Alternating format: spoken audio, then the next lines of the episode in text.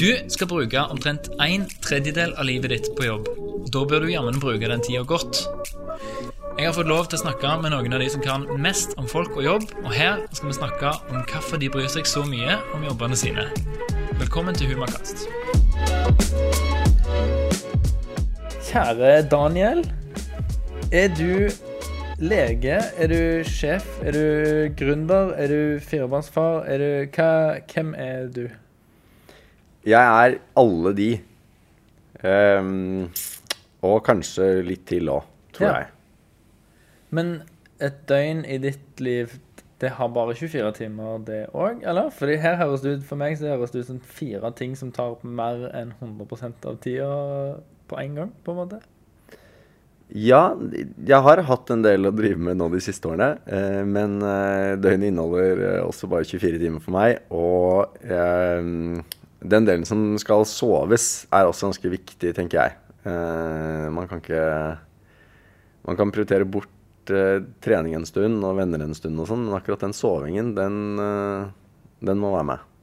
Stemmer.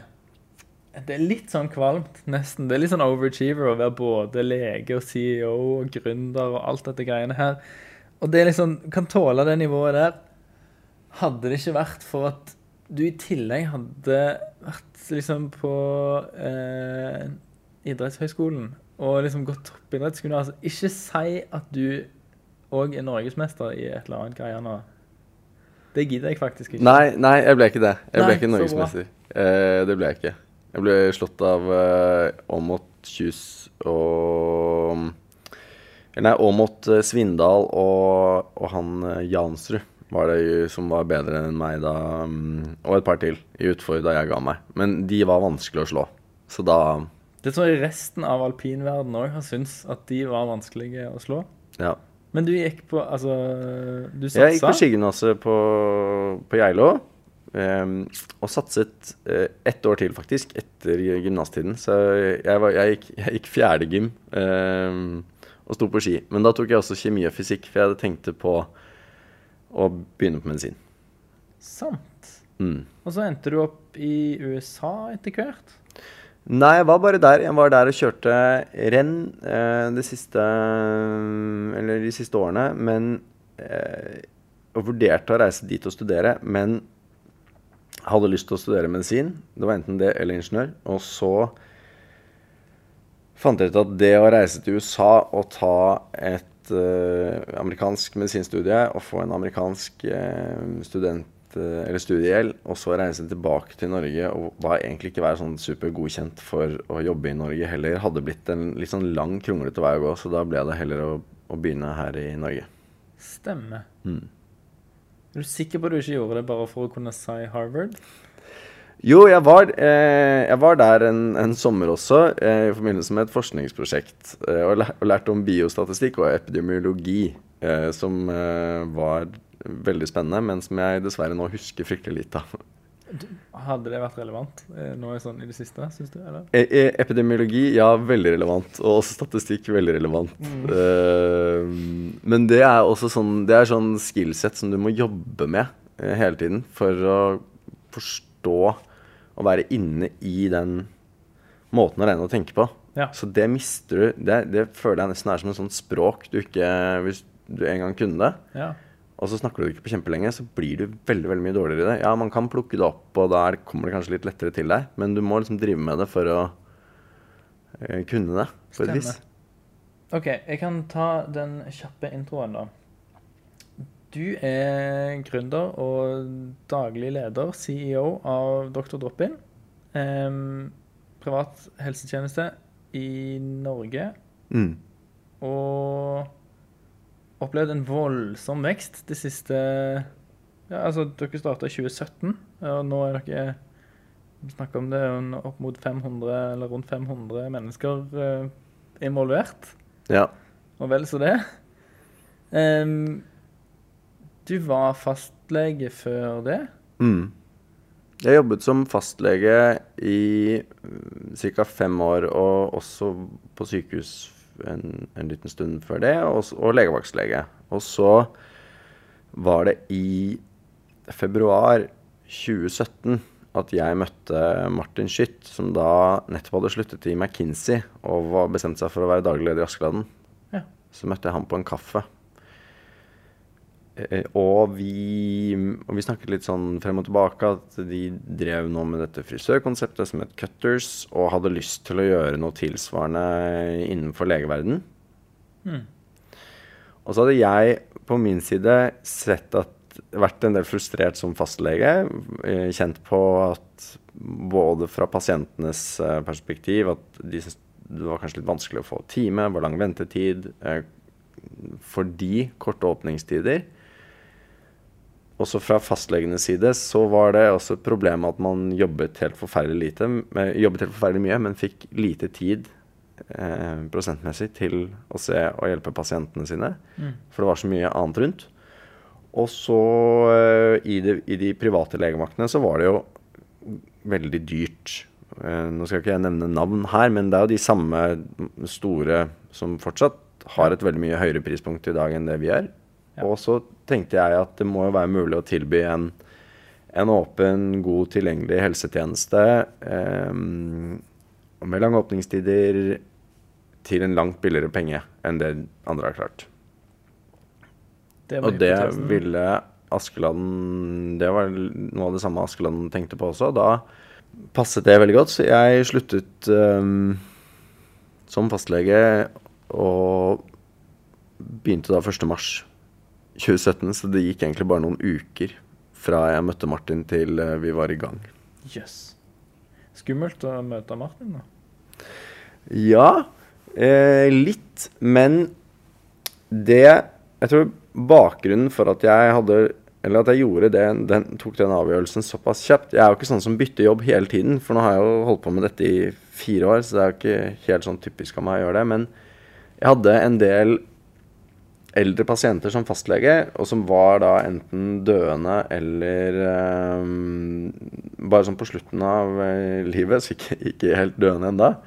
Um, og det som traff meg, og som var litt sånn likt med mange av de, var at de sa at man stort sett aldri angrer på noe man gjorde. Man angrer ofte på det man ikke gjorde. Mm.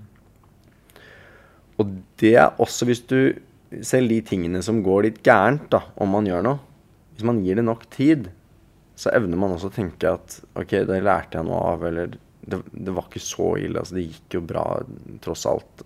Mm. Um, så med litt det er veldig sånn ferskt i minnet i møte med Martin, og ikke supertilfreds med egen jobb, og merket også pasientenes eh, eh, pasientenes behov, så tenkte jeg Vet du hva, nå bare Dette bare gjør jeg. Mm. Og så var vi i gang. Sant. Det slår meg jo da at du Du har jo fått eh, da en eh, fast jobb i det offentlige Norge, og hvis du skal på en måte Ja. Hvis du skal måle livet eller ta valgene dine ut ifra hva som er trygt, så, så var det ganske trygt, den posisjonen du var i der da. Det å bare bli der hadde vært trygt. Mm.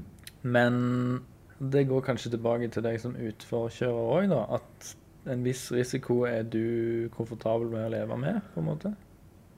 Ja, det tror jeg. Og det Sånn har jeg det i dag også.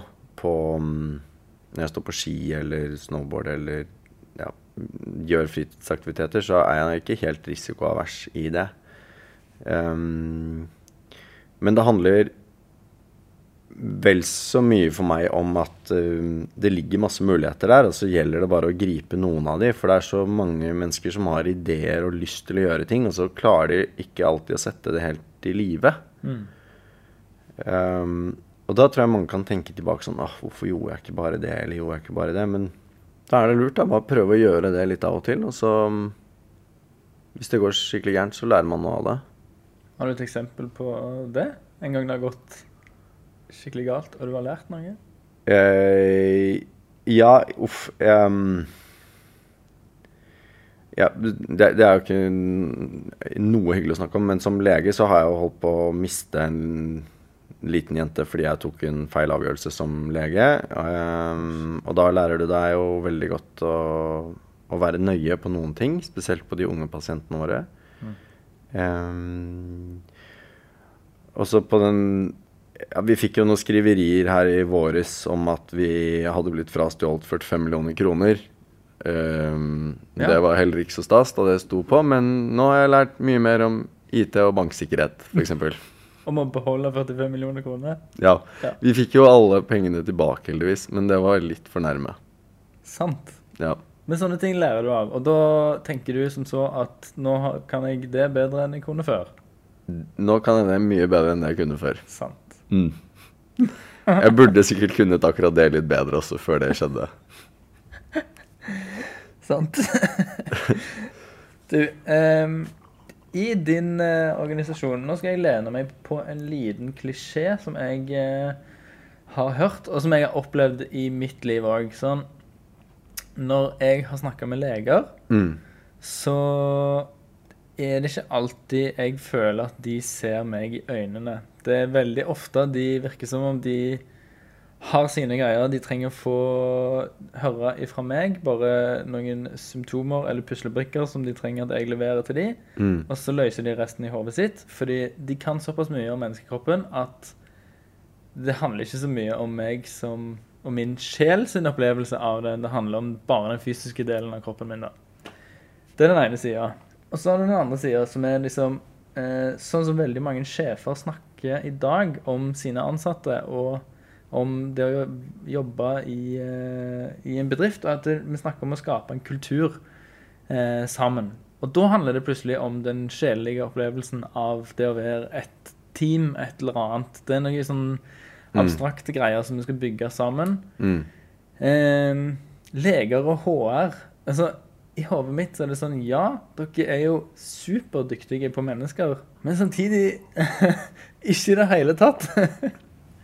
Ja, jeg skjønner veldig godt uh, hvor du vil hen, og kan jo langt på vei være helt enig også.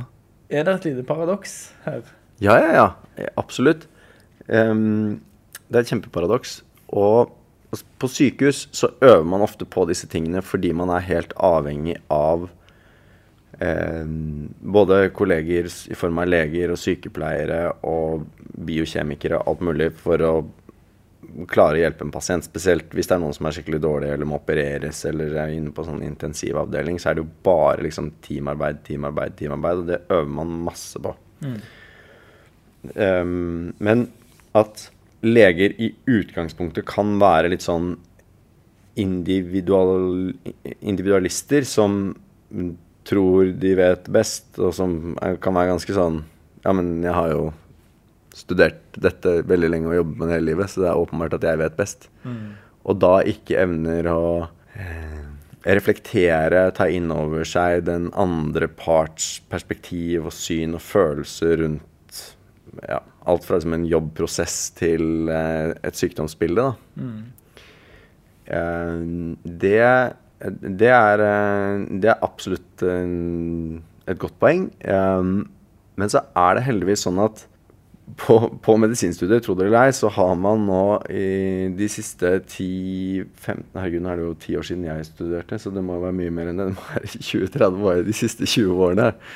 Så har man fokusert mye mer på det man kaller klinisk kommunikasjon, og legens evne til å oppfatte pasientens følelser i det hun eller han står i. Men det handler jo også om at man klarer og evner å gi bedre behandling og bedre følelser for den det måtte angå, når man også klarer å se hva det er den andre står i. Men det er deg som lege, deg som sjef, da. Ser du folka dine, liksom? Ja, men det er også en av de vanskeligste tingene med det å være en, en sjef, er jo å klare å se hvert enkelt individ i et team, og så prøve å tilrettelegge for at hun eller han klarer å prestere sitt beste og ha det bra. Og så er det noen som må bli sett mye, noen som må bli sett lite. Noen som må ha veldig klare beskjeder, noen som må man, må man må være litt vagere og pakke ting mer inn mot. Og alt det spiller også opp mot hvordan du selv oppfatter å være i den situasjonen. For det er jo noen ting man syns er kjempeubehagelig eller veldig gøy. Ikke? Man har hele det spennet i seg selv også. Og det er jo Det var ikke Det følte ikke jeg var noe som kom naturlig for meg da jeg begynte å jobbe med drop-in. Jeg er helt sikker på at mange på kontoret mener at det ikke faller meg veldig naturlig nå heller. Men det er i hvert fall noe jeg tenker mye på og prøver å gjøre noe med. Ja.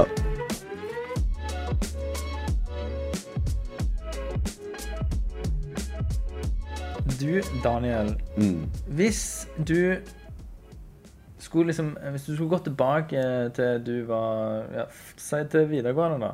eh, Og så skulle du stake ut kursen på ny. ja. Med alt det du kan og vet om livet nå, Mm. hva hadde du gjort da? Hadde du gjort noe annerledes? Det hadde vært surfeboms i eh, Nei, jeg hadde ikke det. Jeg hadde vært eh, Jeg tror jeg hadde vært en um, ingeniør, faktisk. Det var, jeg var veldig sånn i tvil om jeg skulle ta medisin eller um, være med på å lage ting. I en eller annen form. Så jeg kunne vel Jeg tror jeg like Det var veldig nært at jeg havnet uh, på NTNU. Mm. Uh, som at jeg begynte på medisin. Så det, det er den mest sannsynlige andre veien jeg tror jeg kunne gått. Men nå lager vi jo en Vi lager jo greier hos oss, da. Så Ja, det det, det det har jo på en måte blitt litt sånn her i kveld. Så på en måte blitt en slags lege, ingeniør, gründer, sjef? Jeg, tror, jeg, er helt sikker på at Kristoffer på kontoret vil være veldig uenig i at jeg er en legeingeniør. Men, uh, men ja, vi lager ting. Vi lager både IT-løsninger og vi forsøker også å lage gode og bedre kontorer og en sånn fysiske rom for å gi bedre helseopplevelser. Ja. Mm. Det er jo spennende, da. Det er kanskje Jeg vet ikke. Jeg ser litt for meg at dere som en privat aktør nesten føler jeg har litt ansvar for å på en måte drive den typen utvikling innenfor helseverden framover. Mm. Altså, jeg ser for meg at liksom det offentlige Der er det ganske Der koker det ganske godt allerede. Mm. Um, og at dere som private aktører har kanskje mer frihet og fleksibilitet til å eksperimentere med den typen der. Da. Som f.eks. å endre måten et rom ser ut på skal funke. Et eller annet.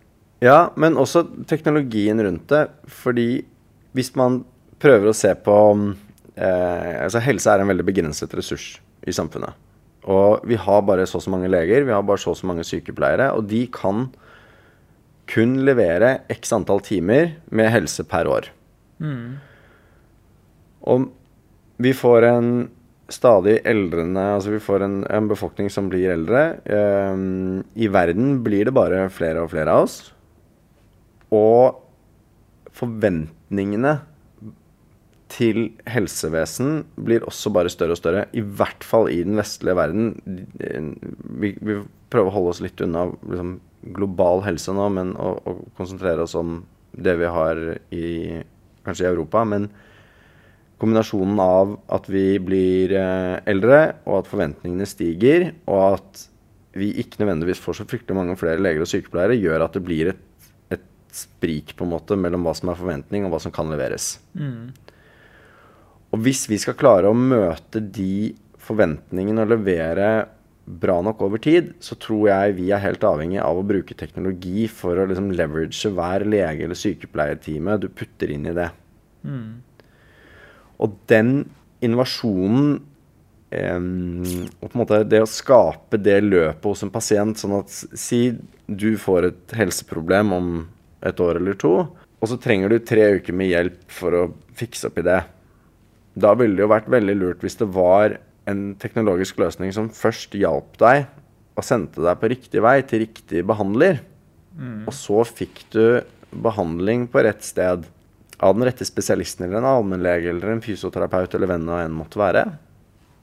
Med de timene du på en måte trenger fysisk tilstedeværelse. Og så hadde det vært kjempefint om du fikk oppfølging etterpå gjennom video eller chat eller kanskje bare spørreskjemaer som gjorde at du hvis det var et eller annet fare på ferde, så ble du fort hentet inn igjen. Men ikke alle. Man hadde ikke tenkt å hente alle inn igjen. Og at du til slutt i den reisen eh, følte at du hadde fått en sånn tre ukers dritbra helseopplevelse Ja. som gjorde at du ble frisk og kvitt det du hadde. Men samfunnet bare bruker et par timer med faktisk lege- og sykepleiertid eller fysioterapitid i det løpet. Da tror jeg, hvis vi klarer å få til det, da kan vi levere på de forventningene som befolkningen har til et godt helsevesen inn i det um, århundret vi lever nå. Ja. Og det prøver vi å få til. Det er ingen liten oppgave. Nei, men jeg tror også dessverre det er lettere å få til det i, eh, gjennom et privat initiativ enn i det offentlige. Ser du litt på dere sjøl Sånn som du snakker nå, så høres det litt ut som du ser på dere sjøl som et slags laboratorium, eller prøve en test for eh, at det offentlige kan følge etter etter hvert.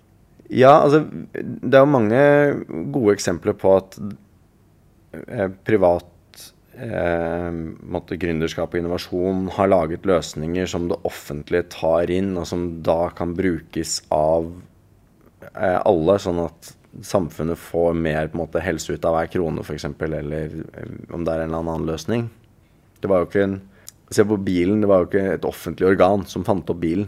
Det var privat eh, innovasjon eh, eh, som, som gjorde at vi nå har i store deler av verden en transportmetode med biler og busser som gjør at mange mennesker kan reise trygt fort. Um, og litt sånn Ja, innenfor helse også akkurat det samme. Og det har vi lyst til å være en del av.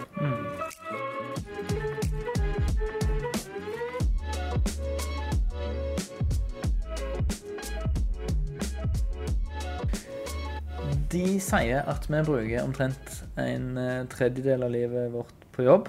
Jeg Mm. mistenker at du kanskje kommer til å bruke litt mer. Ja, Eh, er det verdt det?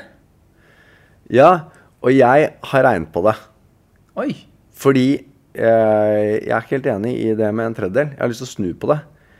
Fordi vi Altså, for meg så er Og det har jeg opplevd også fra veldig mange venner, familie og ikke minst pasienter. Men jobb er en av de tingene som gir oss Som virkelig gir oss lykke. Følelsen av å ha tilhørighet, å være til nytte, å skape noe og gjøre noe sammen med andre. Og jeg tror også det er, det er liksom hardkodet i DNA-et vårt å gjøre det. Dette er urmennesket. Det var sånn vi sørget for at flokken overlevde. Og da er det ikke så rart at de stedene i hjernen som oppfatter at vi holder på å gjøre noe sånn, også gjør at vi kjenner en lykkerus. At, at det, er liksom, det er gøy når vi får til ting sammen med andre mennesker. Ja. Og hvis, du sier, hvis man tar utgangspunkt i ok, man jobber en tredjedel i livet, men, men de fleste går på skole i hvert fall mellom Altså til de er 20-25, og så slutter man å jobbe når man er sånn 65, så da har du 40-45 år i midten der. Forventet levealder 80 år, så du jobber Du er bare yrkesaktiv rett over halvparten av livet ditt. ja. I tillegg så er 37,5 time av ukens 168 uker er bare eh, 22% av uken. Så, Og det er uten en eneste ferieuke i året. ja. Så hvis du, hvis du ikke tar med eneste ferie eller en eneste helligdag, men bare sier at man jobber 37,5 time i uken i, i 45 år, som jo er veldig mye mer enn det vi gjør, så ender du bare opp med sånn 12% ish av livet på jobb. Fantastisk at du har regnet ut. Ja, og, det, og, da, og da, da vil jeg snu spørsmålet og si sånn Er det egentlig nok? og så syns jeg, når vi vet hvor viktig det er for folk, at, og hvor gøy det er å få til ting sammen med andre Kanskje liksom Rødt og SV og, og Arbeiderpartiet skal prøve å roe ned den der Ja, nå skal vi bare jobbe 35 timer, nå skal vi bare jobbe 30 timer. For det er ikke sikkert vi gjør folk noe godt ved å frata de denne arenaen som gjør at de kanskje føler seg aller mest menneskelig. Um, ja, det er fantastisk å være sammen med barna sine og familien og venner og ha fritidsaktiviteter og sånn, men ikke ta bort gleden av det å skape noe sammen med andre. Dere hørte det her først, eh, folkens. Det er ifra mannen som er både lege, CEO, gründer, firemannsfar. Det kan være at vi ikke bruker nok tid på jobb. Ja, Det er ikke helt gitt at kona mi er enig i det jeg sa nå. Men, øh, og jeg har helt sikkert brukt en tredjedel av livet de, de siste årene. Men eh, Nei, man får jo, man får jo gjort en del på de Hvis man jobber åtte timer hver dag, da, altså åtte timers, eller prøver å få åtte timers søvn, som jeg aldri klarer, men uh, også åtte timer med med andre ting, uh, som da er en barn eller venner eller fritidsaktivitet eller hva det nå enn er. Um, jeg tenker at man, man skal Jeg tror ikke det er noe mål i seg selv å gjøre den siste den tredjedelen med jobb sånn som det er hvis man deler opp døgnet så crude, da. At det er noe mål i seg selv å gjøre den veldig mye mindre. Det, det tenker ikke jeg. Eh, for eh, Altså, nå har eh, drop-in skalert noe enormt. Bare i løpet av de siste 18 månedene, som jo ikke er så rart. Dere har tilbudt Eller dere har støtta staten Norge, kan vi kalle det det, i testing. Ja, vi har, vi har i hvert fall blitt spurt om å bistå eh, Oslo kommune og Ullensaker og noen flere kommuner om å bistå med testing. Eh, og så har det av, av covid, og vi har også hjulpet til med sånn smittesporing og å sette vaksiner. Eh, så vi har gjort mye forskjellig. Og det har vært eh, veldig meningsfullt å drive med. Og så er det også viktig for meg å påpeke at dette har også skjedd gjennom veldig ryddige anbudsrunder. Fordi det er tross alt mine egne skattepenger som også betaler for den tjenesten. Så jeg syns den måten det har vært lagt opp på sånn, har vært for oss som bedrift Det er ganske tungt å lære seg hvordan man, man eh, kjemper seg gjennom disse anbudsrundene og all dokumentasjon, liksom alt som skal være der. Men, eh, men det er også bra at det er så ordentlig. Mm. Det må det være. I denne eh, prosessen Og så har jo dere òg hatt behov for veldig mange flere folk. Og dere har vokst med hva det er, nesten 300-350 folk i løpet av samme perioden. Mm. Um, det er spinnvilt å skalere med så mye folk på så kort tid. Mm. Går det an å liksom ta vare på de ansatte i en sånn vekstfase? Er det liksom Klarer en å se folk når en vokser så fort som det? Nei, dessverre så klarer man ikke å se alle. Uh, men man klarer å um, man, man klarer å ansette flinke mellomledere som tar vare på de uh, under seg igjen. Og, og så gjelder det da å snakke mye om hvilke verdisett det er man skal ha på jobb, hva man hvordan man ønsker at de ansatte skal opptre mot pasientene, mot hverandre. Hvordan vi skal ha det på jobb. Og så få de man da samarbeider med i ledelsen, om å innprente de tingene videre nedover. Og så vet ikke jeg om vi har lykkes 100% med det, men det er i hvert fall noe vi har forsøkt å få til. Ja. Uh, og så er det første gangen vi har måttet, eller gjort det da med så innmari mange mennesker. Så vi har jo ikke fasiten helt ennå, men um, det, har- jeg tror det har gått relativt greit. Mm. Eh, altså La oss nå si at korona er på vei mot slutten, Mm. sier jeg mens vi setter nye smitterekorder. Um, hva er veien videre for uh, Droppen? Dere er jo ikke en, en testorganisasjon. Nei, på ingen måte. Og, og dette har jo ikke vært Det var jo aldri en del av planen vår og, at korona skulle komme, akkurat like lite som det var for alle andre. Men når det først kom, og vi var et helseforetak som i tillegg Altså, vi drev jo allerede da med vanlige legetjenester og med mm, Psykologi hadde vi, og så hadde vi også en del spesialist, altså legespesialisttjenester. Men vi, vi, vi evnet også å snu oss rundt ganske fort og ansette mennesker som er flinke til å bygge opp og bidra um, i, en, i et team. Og derfor så ble det en mulighet for oss å klare å avhjelpe spesielt det offentlige, men også privatmarkedet, med masse tester på kort tid. det kommer til Eller jeg håper jo egentlig at det blir borte, fordi jeg har også veldig lyst til å få den hverdagen tilbake, og det å fokusere på den Det vi egentlig skal drive med, som er å lage gode, langsiktige helsetjenester eh, for um, ja, helt normale folk. Um, og det er både innenfor allmennlegetjenester, gynekologi, eh, pediatri, altså barn, eh, hudlege og eh, fysioterapi, psykologi. Det er mange sånn I tillegg til et ganske sånn spennende tech-løp på toppen før og etter, som vi snakket om i sted. Eh, og det er, det er det vi har jobbet med tidligere, og som vi har jobbet med hele tiden, men som jeg nå gleder meg til å fokusere enda mer på. Du virker som en person som bryr seg ganske mye om jobben sin. Ja, nei, jeg, jeg, jeg bryr meg om å Jeg bryr meg om å være lege, og så bryr jeg meg om å prøve å lage en god helsetjeneste som har, folk har nytte av, og som kan kanskje gjøre verden til et litt bedre sted, da. Ehm, og så bryr jeg meg om å prøve å, å, å bli en bedre leder for de som jobber eh, hos oss. Og det, men, og det er vel Ja, det syns jeg er ganske vanskelig, men eh, prøver. Kan du Har du en opplevelse med en kollega eller en ansatt som der noen har liksom betydd noe ekstra for deg? Ja, det, det er mange de siste årene. Um, og jeg har også mange opplevelser av akkurat det som både fastlege og lege på sykehus.